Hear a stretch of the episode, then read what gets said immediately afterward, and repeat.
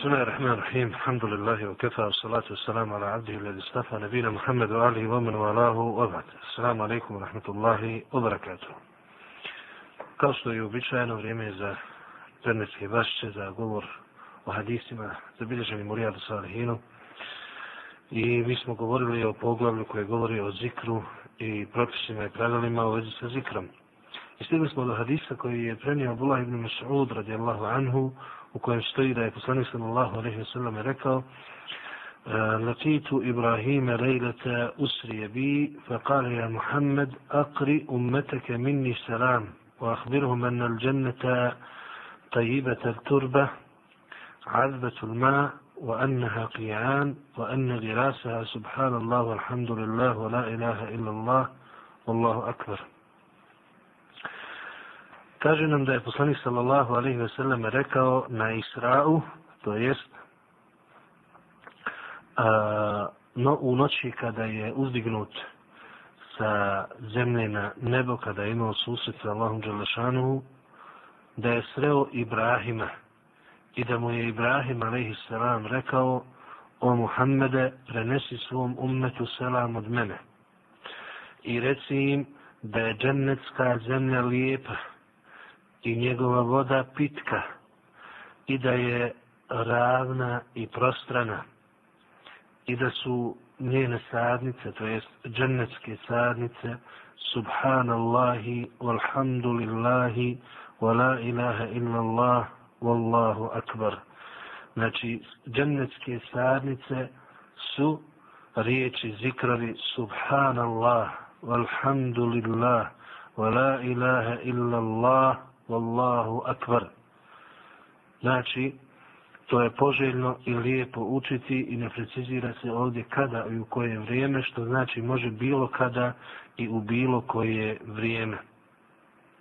A Ebu Darda radijallahu anhu kaže nam da je poslanik sallallahu alaihi wa sallam rekao Ela unabbi'ukum bi khayri a'malikum wa azkaha 'inda malikikum wa arfa'iha fi darajatikum وخير لكم من إنفاق الذهب والفضة وخير لكم من أن تلقوا عدوكم فتضربوا أعناقهم ويضربوا أعناقكم قالوا بلى قال ذكر الله تعالى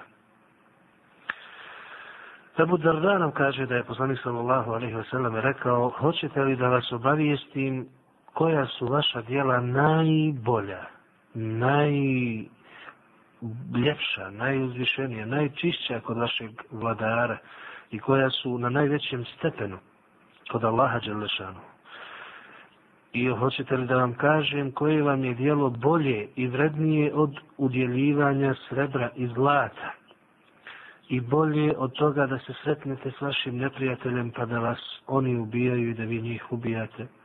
Rekoše naravno Allahu poslaniče kaže to je spominjanje Allaha Đelešanu. Zikrullah. Znači, zikr. Ovo nam je prenio Tirmizi, a mnogi učenjaci ocenili su ga dobrim, vjerodostojnim. Iako je o njegovom značenju Ulema rastavljala i govorila kako nešto može biti e, bolje od toga da čovjek e, žrtvuje se na Allahovom putu i slično, kažu zbog toga što je spominjanje Allaha Đelešanu u principu korijen i temelj svega i onaj ko se udali od zikra i spominjanja Allaha Đelešanu od drugih ibadeta je još udaljeniji. A Sad ibn Abi Waqas radijallahu anhu kaže nam da je ušao s poslanikom sallallahu alaihi wasallama kod neke žene, a ispred nje, ispred nje su stajale košpe ili kamenčići sumnja prenosilac, koje je koristila prilikom zikra, prilikom učenja zikra.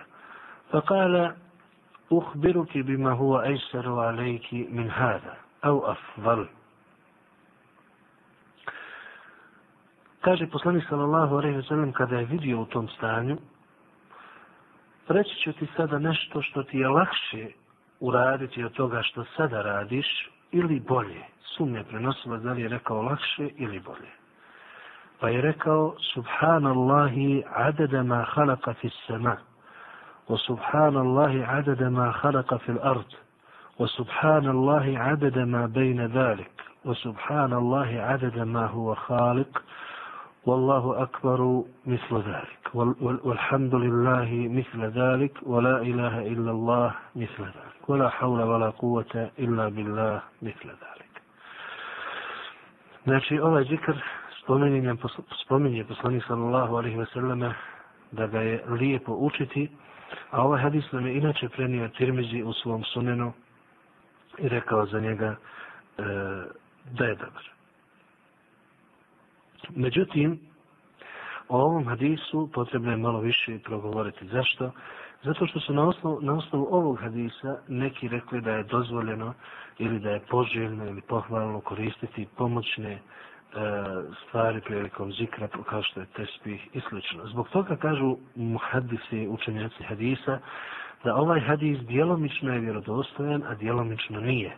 Naime, kada su sakupili i sabrali sve pre, predaje ovog hadisa na jednom mjestu, uvidjeli su da postoje razlike i da nije baš sve preneseno onako kako ovdje stoji. Pa u muslimovom rivajetu i drugim vjerodostojnim rivajetima ne spominje se da je pred tom ženom bilo ikakvih kamenčića ili bilo šta drugog. Znači, ne spominje se taj dio. Samo se navodi ovaj zikr u kojem poslanik sallallahu alejhi ve selleme objasnio da je bolji od toga što ona uči. E, stoga kažu da nije to ni propisano. Drugo, ovaj hadis, iako spominje se čak i u ovom rivajetu, u predaj, ne ukazuje ni na kakvu poželjnost, niti e, toga, nego jednostavno najviše što ovaj hadis ukazuje je da je dozvoljeno onima koji je, kojima je to potrebno da bi mogli e, zikr izgovarati određeni broj puta i slično, ne mogu na ruke ili ne mogu izbrojati i tako dalje, u tom slučaju njima kao da se olakšava ovim rivajetom. A nikako ni nekakav e, ni nekakvu poželjnost ne ukazuje, pogotovo obavezu ili slično. A Allah Đelešanu najbolje zna. A Ebu Musa radijallahu anhu rekao nam je da mu je poslanik sallallahu alaihi wa sallam u drugom hadisu rekao Ala adulluke ala kenzin min kunuzil dženne. Hoćeš li da te uputim na jednu džennetsku riznicu? Fakultu bela ja Rasulallah, rekao sam naravno Allahu poslaniče kala la havla wa la kuvata illa billah. Nema ni snage ni moći osim sa Allahom. La haula wa la kuvata illa billah. Znači, niko nije u stanju promijeniti stanje, niti ima bilo kakve snage osim Allah za svanu i sallam. Mutafakun ali. Znači, hadis su prenijeli Buhari i Muslim. La haula wa la kuvata illa billah. To je zikr koji je lijepo učiti stalno u svakoj prilici, a u nekim predanjima prenosi se da ga je posebno lijepo učiti u teškoći problemima i sl. La haula wa la kuvata illa billah. Kenzun min kunuzil dženne. Znači, riznica od džennetskih riznica. Dalje nastavlja imam nevevi govoriti o zikru i kaže nam ba zikru Allah ta'ala qa'iman wa qa'idan wa mutađijan wa muhdisan wa džunuban wa ha'ila illa al-Qur'an kala je hillu li džunubin wa la ha'il. O tome da je spominjati Allah Đelešanu potrebno i dozvoljeno stojeći, sjedeći, ležeći, sa abdestom, bez abdesta, kao džunup i kad se ima menstruacija, osim učenja Kur'ana, učiti Kur'an nije dozvoljeno džunupu i ženi koja ima menstruaciju, kaže nam imam nevjeri. Pa da vidimo ajete i hadise u vezi s tim i da vidimo da li se svi učenjaci slažu u vezi s ovim što imam nevi spomenuo, naročito u drugom dijelu naslova koji je vezan za učenje Kur'ana, onima koji su dunupi i koji imaju menstru, žene koje imaju menstruaciju. Rekao je Allah Đelšanu, inne fi halki samavati wal ardu vahti lafi lejl van nahar le ajati li ulil albab, الذين يذكرون الله قياما وقعودا وعلى جنوبهم. U istinu u stvaranju nebesa i zemlje i u različitosti dana i dana i noći, znači različitosti e, E, u samim njima, kao što je da je noć crna, a dan svijetel, kao što u noći postoje stvari koje ne postoje u dani i tako dalje, to je jedna razlika. Druga vrsta razlike, kažu učenjaci, je to što su za samog čovjeka dan i noći različiti, pa je jedan dan svetan, a drugi dan nije, jedan dan je tužan, drugi jedan dan je siromašan, drugi nije i tako dalje. Znači, ta različitost čovjekovih dana kroz njegov život i promjene kroz koje prolazi, dokaz su Allahove svemoći i njegovog postojanja bez ikakve sumnje. واختلاف الليل والنهار لآيات لأولي الألباب dokaz su znakovi su za one koji razuma imaju. Alladina yadhkuruna Allaha qiyaman wa qu'udan wa 'ala junubihim. Oni, znači sad pojašnjava kome je to dat razum. Pa kaže oni koji Allaha spominju stojeći, sjedeći i ležeći. Znači ajet jasno ukazuje da je spominjati Allaha zvišanom dozvoljeno u svim tim stanima. A Aisha radijallahu anha kaže nam kana Rasulullah sallallahu alaihi wa sallam yadhkuru Allah ta'ala ala kulli ahjanihi. Poslanik sallallahu alaihi ve selleme je spominjao Allaha u svako vrijeme. Ovaj hadis prenio ima muslim i on je opšteg značenja, iako kažu učenjaci na osnovu drugih hadisa, izuzima se naravno, uh, izuzimaju se mjesta koja su nečista, zato što Allah Đelešanu ne treba spominjati na tim mjestima. Izuzimaju se nečista mjesta i izuzima se E, vrijeme kada čovjek nije u prikladnom stanju kao što je vršenje male, velike nužde i sl. Znači, od, iz ovog hadisa izuzima se samo dva slučaja, samo dvoje se izuzima. Prvo je da se Allah ne spominje na nečistim mjestima. Drugo je da se Allah ne spominje u vrijeme kada čovjek obavlja E, nešto što ne dolikuje da se u tom stanju spominje Allah poput vršenja male, velike nužde i sl. A Abdullah ibn Abbas radijallahu anhuma od vjerovjesnika sallallahu alaihi wa sallam je prenio da je rekao لو أن أحدكم إذا أتى أهله قال بسم الله اللهم جنب جنبنا الشيطان وجنب الشيطان ما رزقتنا فقضي بينهما ولد لم يضره Kaže nam da je poslanik sallallahu alejhi ve selleme rekao: Kada bi neko od vas prilikom prilaska svoje supruzi proučio Bismillahi, Allahumme jannibna šeitan, ođenibi šeitana marazaktena, i u tom odnosu bude određeno da se e, začne dijete, ne bi mu šeitana, šeitan nikada navodio. Naime, ovo dova koja se uči prije ili pred spolni odnos E, sa suprugom, poželjno je proučiti ovu dovu i ukoliko bi se e, desilo i bilo određeno da, da, da bude začeće djeteta tim odnosom, ne bi šeitan mu nikada naudio. Kaže neki učenjaci, to bi značilo da ne bi nikada obolio od džinske padavice. A to je stanje kada e, džin ili šeitan ili slično spopadne čovjeka i on pada u nesvijest i slično što mi zovemo padavica ili epilepsija i tako dalje. Postoje dvije vrste epilepsije. Ona koja je izazvana e, poremećajem u tijelu, nervima i slično e, i ona koja je izazvana džinima, takozvana džinska padavica o kojoj se ovdje govori. Drugi kažu da to znači da mu ne bi mogao naškoditi ni u vjerskom smislu, a Allah Đelešanu najbolje zna, što ne bi značilo i što ne znači da, je, da će on biti siguran od šeitana u svemu, da ga neće uznemiravati, zavoditi i tako dalje. A Allah Đelešanu najbolje zna.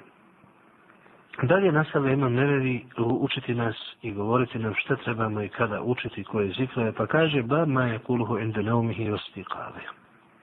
Šta treba proučiti prije spavanja, i prilikom buđenja isna.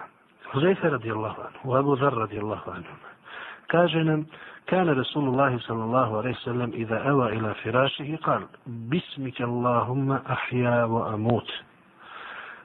Kažu nam oni da poslanik sallallahu alaihi sallam, kada bi legao u postelju, proučio bi, bismike Allahumma ahya wa amut, s tvojim imenom Allahu moj živim i umirem. A kada bi se probudio, rekao bi Alhamdulillahi alladhi ahyana badama amatena wa ilayhi nušur. Neka je hvaljen Allah koji nas je oživio nakon što nas je usmrtio i kod njega ćemo se svi sakupiti. Znači šta trebamo proučiti prilikom spavanja, prije spavanja, trebamo proučiti Bismike Allahumma ahya wa amut. S tvojim imenom Allahu moj živim i umirem i kad se probudimo trebamo reći Alhamdulillahi ledi ahijana badama amatena wa ilaihi nušur. Neka je hvaljen onaj koji nas je oživio nakon što nas je usmrtio. I ovaj hadis je jedan od brojnih širijetskih tekstova, vreme hadisa i ajeta koji ukazuju da je san u istinu smrt za čovjeka. Znači da duša u istinu napusti tijelo i slično. O ilihim nusur i pred njim ćemo se svi sakupiti posjećajući nas ovim na, taj, na to konačno buđenje iz kaburova koje će se dogoditi prilikom velikog proživljenja jer postoje, kao kažu učenici, dvije vrste proživljenja, malo i veliko. Malo proživljenje je ono koje doživljavamo svako jutro budeći se iz sna u, koje, u, u, u kojim zaspimo, a veliko proživljenje bit će a, proživljenje na sudjem danu koje će biti nakon velikog sna, naime smrti i konačnog izlaska duše iz ovoga tijela. Dalje nastavlja imam nebevi govoriti o zikru i šta i kako treba i kaže nam da fadlu hileki zikr eh, wa nad ila mulazamatiha wa nahi an eh, mufarakatiha li gajri uzr. O vrijednosti i odlici halki zikra i poželjnosti da čovjek drži se tih to, to, to spominjanje Allaha Đelšanu tih halki i o zabrani da se napušta halka bez opravdanog razloga. Međutim, prije ovoga ostalo nam je i primjetno je naime da imam nevevi u naslovu rekao da je zabranjeno e, džunupu, znači osobi koja je imala spolni odnos ili doživjela poluciju i slično, E, takvoj osobi je zabranjeno učiti Kur'an i ženi koja ima menstruaciju, naravno učenjaci su njoj e, priključili ženu koja ima posle porođanja odljev krvi, takozvani nifas i tako dalje. Ali primjetno je da ovdje nije spomenuo ni jedan hadis koji ukazuje na to što je rekao. Zbog toga neki učenjaci kažu da ukoliko žena ima e, potrebu kao što je recimo učiteljica i tako dalje, ili dođe jednostavno trenuci kada mora učiti Koran. U tom slučaju nema smetje. Drugi kažu dozvoljeno uopšte, a treći kao što imam nevevi, što je slučaj sa dobrim dijelom učenjaka, e, zabranjuju bilo kakvo učenje Kur'ana, bilo na pamet, gledanjem u Musaf ili učenjem iz Musafa, znači da, da dodiruje listove i tako dalje. U svakom slučaju, ukoliko bi žena koja ima e, menstrualni ciklus imala potrebu da obnovi učenje Kur'ana, da ne zaboravi na pamet ono što je naučila na pamet i tako dalje, e, nema nikakve smetnje. Drugo, nema smetnje da takve osobe uče kuranske dove i uče zikrove koji su propisani jutrom, večerom ili drugom prilikom, kao što je sura Ihlas, sura Felek, sura Nas prije spavanja, uh, jutrom i večerom i tako dalje. Znači, uh, kuranski dijelovi koji su koji se uče kao zikr, dozvoljeno je da spominju i ukoliko boji se zaborava na pamet učiti ono što je zapamtila već i to nema smetnje da takva osoba, odnosno žena koja ima menstrualni ciklus da uči, a Allah Đelešanohu najbolje zna i on je sve znajući i uzvišen. Rekli smo da imam nevi nastavio govoriti nam o vrijednostima skupljanja ili halki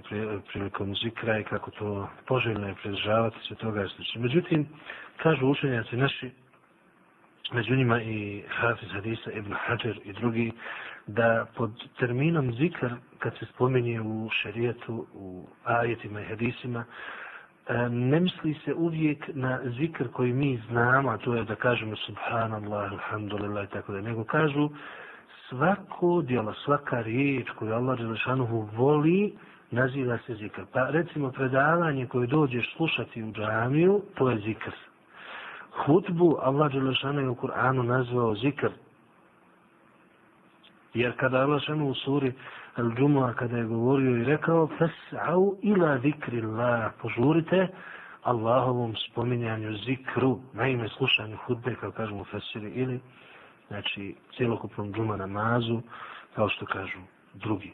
Znači zikr kao pojam obuhvata svako dijelo koje Allah Đelešanu voli. I tako treba ishvatiti i posmatrati ovo što je imam nevevi eh, rekao. I tako i shvatiti i hadise koje je sad ispomenuo, odnosno ajete. Kaže Allah Đalešanuhu, وَاسْبِرْ نَفْسَكَ مَعَ الَّذِينَ يَدْعُونَ رَبَّهُمْ بِالْغَدَاتِ وَالْعَشِي يُرِيدُونَ وَجْهَهُ وَلَا تَعْدُ عَيْنَاكَ عَنْهُمْ I ti se strpi sa onima koji obožavaju, dozivaju svoga gospodara ujutro i na večer, želeći njegovo lice i nemoj da gledaš u druge mime, da ih prelaziš svojim pogledom. Znači, ovdje naređuje poslaniku sallallahu alaihi wa sallam sam tim nama da se strpimo sa onima koji svoga gospodara obožavaju ujutro i na. Također je od Ebu Hureyre radijallahu anhu preneseno da je poslanik sallallahu alaihi wa sallam rekao Inna lillahi ta'ala melaiketan jetvufune fi tuq jeltemisuna ahle zikr فإذا وجدوا قوما يذكرون الله عز وجل تنادوا. هلموا إلى حاجتكم فيحفونهم بأجنحتهم إلى السماء الدنيا فيسألهم ربهم وهو أعلم ما يقول عبادي فقال يقولون يسبحونك ويكبرونك ويحمدونك ويمجدونك. فيقول هل رأوني؟ فيقولون لا والله ما رأوا. فيقول كيف لو رأوني Znači, Ebu Hureyre radijallahu anhu prenosi nam ovdje duži hadis i kaže da Allah Đelešanu je stvorio meleke koji su zaduženi da kruže putevima i da traže oni koji, koji, one koji spominju Allaha Đelešanu. Pa kada nađu ljude koji spominju Allaha Đelešanu, pozovu jednu druge i kažu dođite, našli ste ono što ste tražili, pa ih okruže, pa ih okruže. Okruže ih svojim krilima do zemaljskog neba. I onda ih njihov gospodar pita, a on najbolje zna šta govore moji robovi. Onda meleci kažu, slavete, veličaju te, hvalete i govore ti kako si veličanstven. Onda od njima kaže, a jesu li me vidjeli? Onda meleci kažu, ne, tako nam Allaha nisu te vidjeli. Pa onda im Allah kaže, a kako bi tek bilo da su me vidjeli? A onda meleci kažu, لو رأوك كانوا أشد لك عبادة وأشد لك تمجيدا وأكثر لك تسبيحا Meleci kažu da su te vidjeli, još bi ti više ibadeta činili, još bi te više veličali i još bi te više slavili. Pa im onda Allah Zalešanu kaže i pita ih, pardon, najme meleke, فَمَاذَا يَسْأَلُونَ a šta to oni mole i traže? A meleci kažu, jes'alunake al dženne, molite za džennet. A onda im Allah Zalešanu kaže, وَهَلْ رَأَوْهَا auha, a jesu li oni vidjeli džennet? Meleci kažu, la vallahi ja rab, mara auha Ne tako nam Allaha, gospodaru, nisu vidjeli džennet. A onda im Allah kaže, fa kejfa laura auha. Kako bi tek bilo da su vidjeli džennet? Meleci kažu, لو أنهم رأوها كانوا أشد عليها حرصا وأشد لها طلبا وأعظم فيها رغبة da su ga vidjeli, još bi ga više željeli, još bi ga više tražili i još bi više izražavali želju za njim. I onda Allah Želešanu pita Meleke, fe mimme jete auvadun. A od čega to oni traže zaštitu? Pa Meleci kažu, jete auvadune minen nar. Traži zaštitu i utočište od džehennema. Pa Allah upita meleke, o hel ra'auha, jesu li oni vidjeli taj džehennem? Meleci kažu, la vallahi ma ra'auha. Nekako nam Allah nisu vidjeli. A Allah ih upita, kejfe la ra'auha. Kako bi tek bilo da su vidjeli džehennem? Onda meleci kažu, la ra'auha, kanu ašadda minha firaran, wa ašadda laha mahafa. Da su vidjeli ga, još bi više bježali od njega i još bi više strahovali od njega. I onda Allah Đelešanu kaže melecima fa ušhidu menni kad gafartu lahum. uzimam vas za svjedoke da sam oprostio tim svojim robovima. I onda Melek, jedan od tih prisutnih, kaže, fihim fulan lejse minhum. Među njima se nalazi jedan čovjek koji nije od njih. Znači nije od onih koji je došao zbog spominjanja Allaha Đalešanu i zbog zikra. Innama ja'ali hađa. Došao zbog neke potrebe. Pa onda Allah Đalešanu kaže humul džulesa la ješka bihim dželisu. To je društvo koje niko među njima neće biti nesretan. Znači, niko neće biti uskraćen za bilo šta.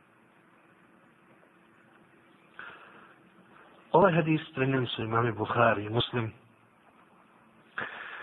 I Muslim u drugom rivajetu još ima određenih dodataka. Srž ovog hadisa ukazuje da Allah Želešanovu i svoje ljubavi prema onima koji ga spominju i koji dolaze na mjesta i halke gdje se spominje Allah Želešanu, gdje se spominje njegovo znanje, gdje se spominje Kur'an, gdje se spominje hadis, znači koje je propisano u skladu sa sunnetom poslanika sallallahu alaihi wa sallam, iz njegove ljubavi prema tom dijelu stvorio je čak meleke koji posebno kruže ovim svijetom, ovim putevima i traže takva mjesta, takve ljude.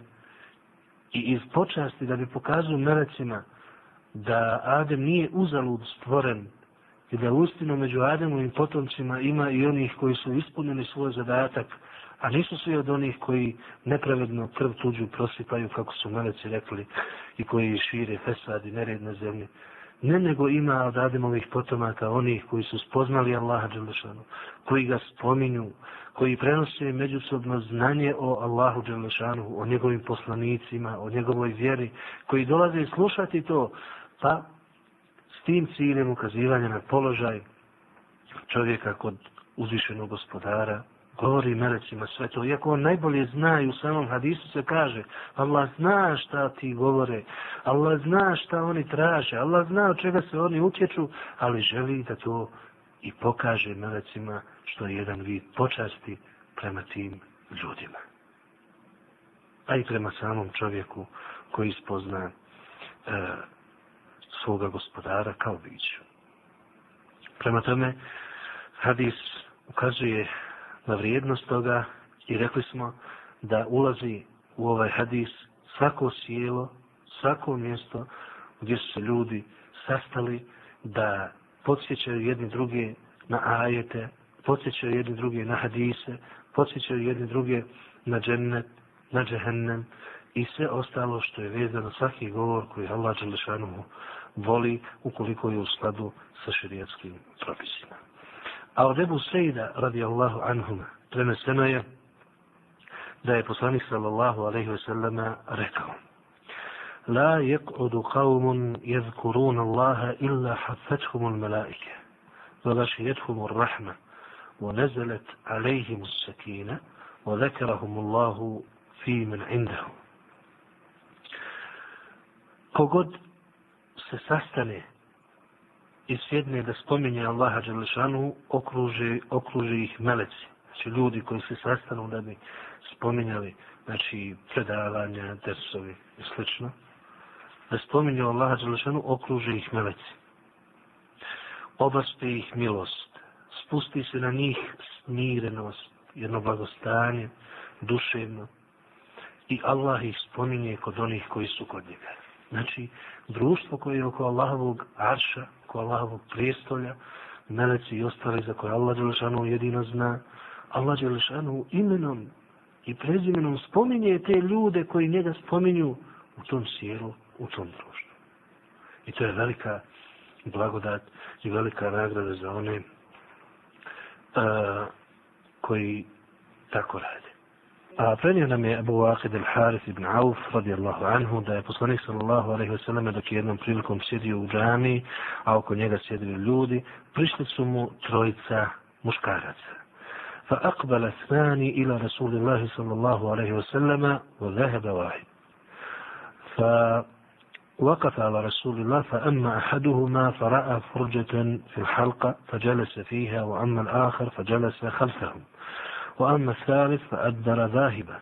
فلما فرغ رسول الله صلى الله عليه وسلم قال ألا أخبركم عن النفر الثلاثة أما أحدهم فأوى إلى الله فآواه الله. وأما الآخر فاستحيا فاستحيا الله منه. وأما الآخر فأعرض فأعرض الله عنه. Kaže nam da je poslanik sallallahu alaihi sallam nam kad su došla ta trojica, sva trojica su postupili na svoj način. Pa je jedan primijetio u halki prazninu i sjelo je na to prazno mjesto.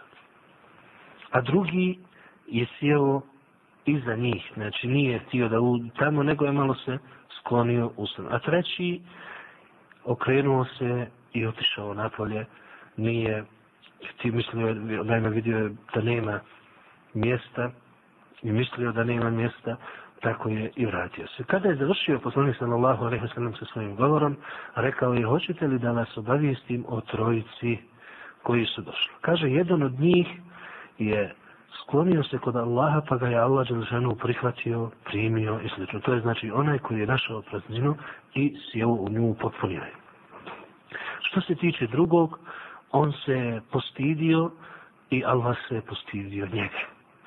A što se tiče trećeg, on se okrenuo, pa se i Allah Đalešanu od njega okrenuo. Ovo nam je prenio, ovo su nam prenio ime imam Buhari i Muslim.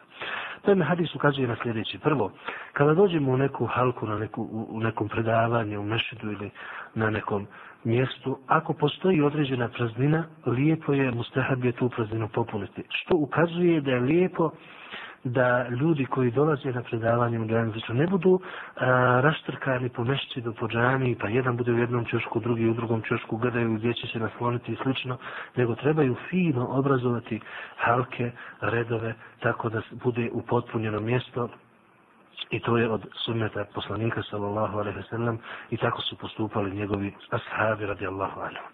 E, drugo, iz ovog hadisa također ukazuje da čovjek čovjeku je dozvoljeno ponekad i preći preko, preko drugih neuznemiravajućih puno a, da bi upotpunio prazninu u tom sjelu i to nije zabranjeno a, kao što je slučaj sa drumom.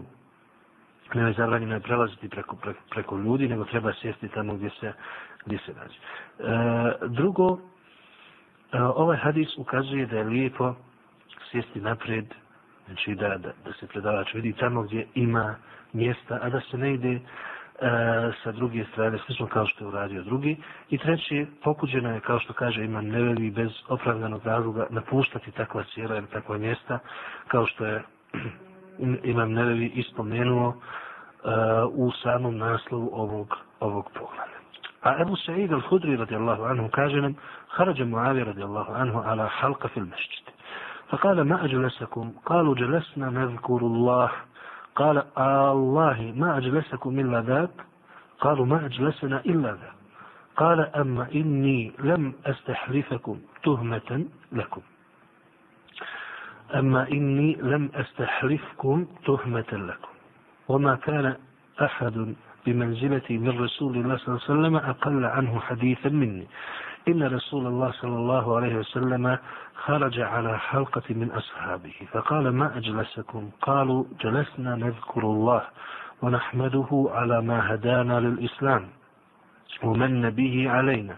قال آه الله ما أجلسكم إلا ذاك؟ قالوا والله ما أجلسنا إلا ذاك. قال أما إني لم أستحلفكم تهمة لكم ولكنه أتاني جبريل فأخبرني أن الله يباهي بكم الملائكة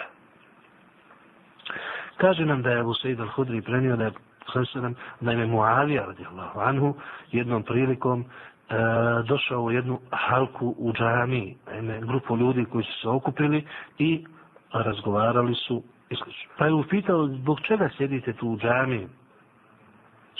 Kažu, sjeli smo, spominjemo Allaha Đelešanu. Onda ih mladi upita, tako vam Allaha, da li samo zbog toga sjedite? Kažu, samo zbog toga sjedimo.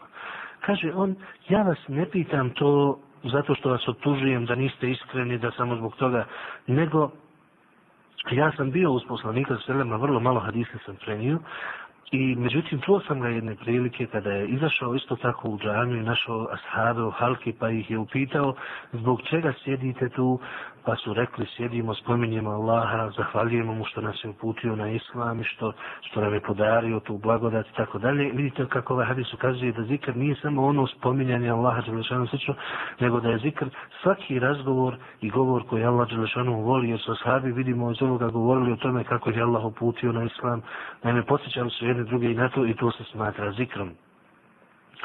Pa je onda poslanik se mu pitao, tako vam Allaha, zar sjedite samo zbog toga? Pa su rekli, sjedimo samo zbog toga. Pa je rekao, ja vas nisam, nisam tražio da se zakunete zato što vas optužujem, naime da niste iskreni slično, nego došao mi je Džibril malo prije i obavijestio me da Allah Đelešanuhu uh, hvali se s vama pred svojim mracima. Hvali se s vama pred svojim mracima. Ovo nam je prenio ime muslim, što znači da je vjerodostojno preneseno. Prema tome, ne bi trebao čovjek e, svoje slobodno vrijeme e, provoditi u bilo čemu drugom osim u prilikama da upotpuni ovo i ispuni ovu blagodat koju spominju ovi hadisi i vidimo da Allah rešeno voli to od samog čovjeka. Naravno, napominju učenjaci da se ovi hadisi e, nikako ne odnose na halke i sjela gdje se spominje nešto što nije u skladu sa propisima, onim što je propisano od strane Allaha Đelešanuhu i što je pojašnjavao poslanik sallallahu alaihi wa nego ovi hadisi se moraju i tako su i učenjaci i, i protumačili, e, protumačiti u skladu sa onim što je preneseno i u vezi sa ibadistima. Znači, odnosi se na halke koje su propisane, u kojima nema ništa što se kosi, poput spominjanja nekih imena koji nisu apsolutno propisani, nisu, nisu tačni kao što je hu i slično, prema tome moraju se ovi hadis shvatiti u svjetlu onoga što je poslanik sallallahu alaihi sallam sallallahu alaihi sallam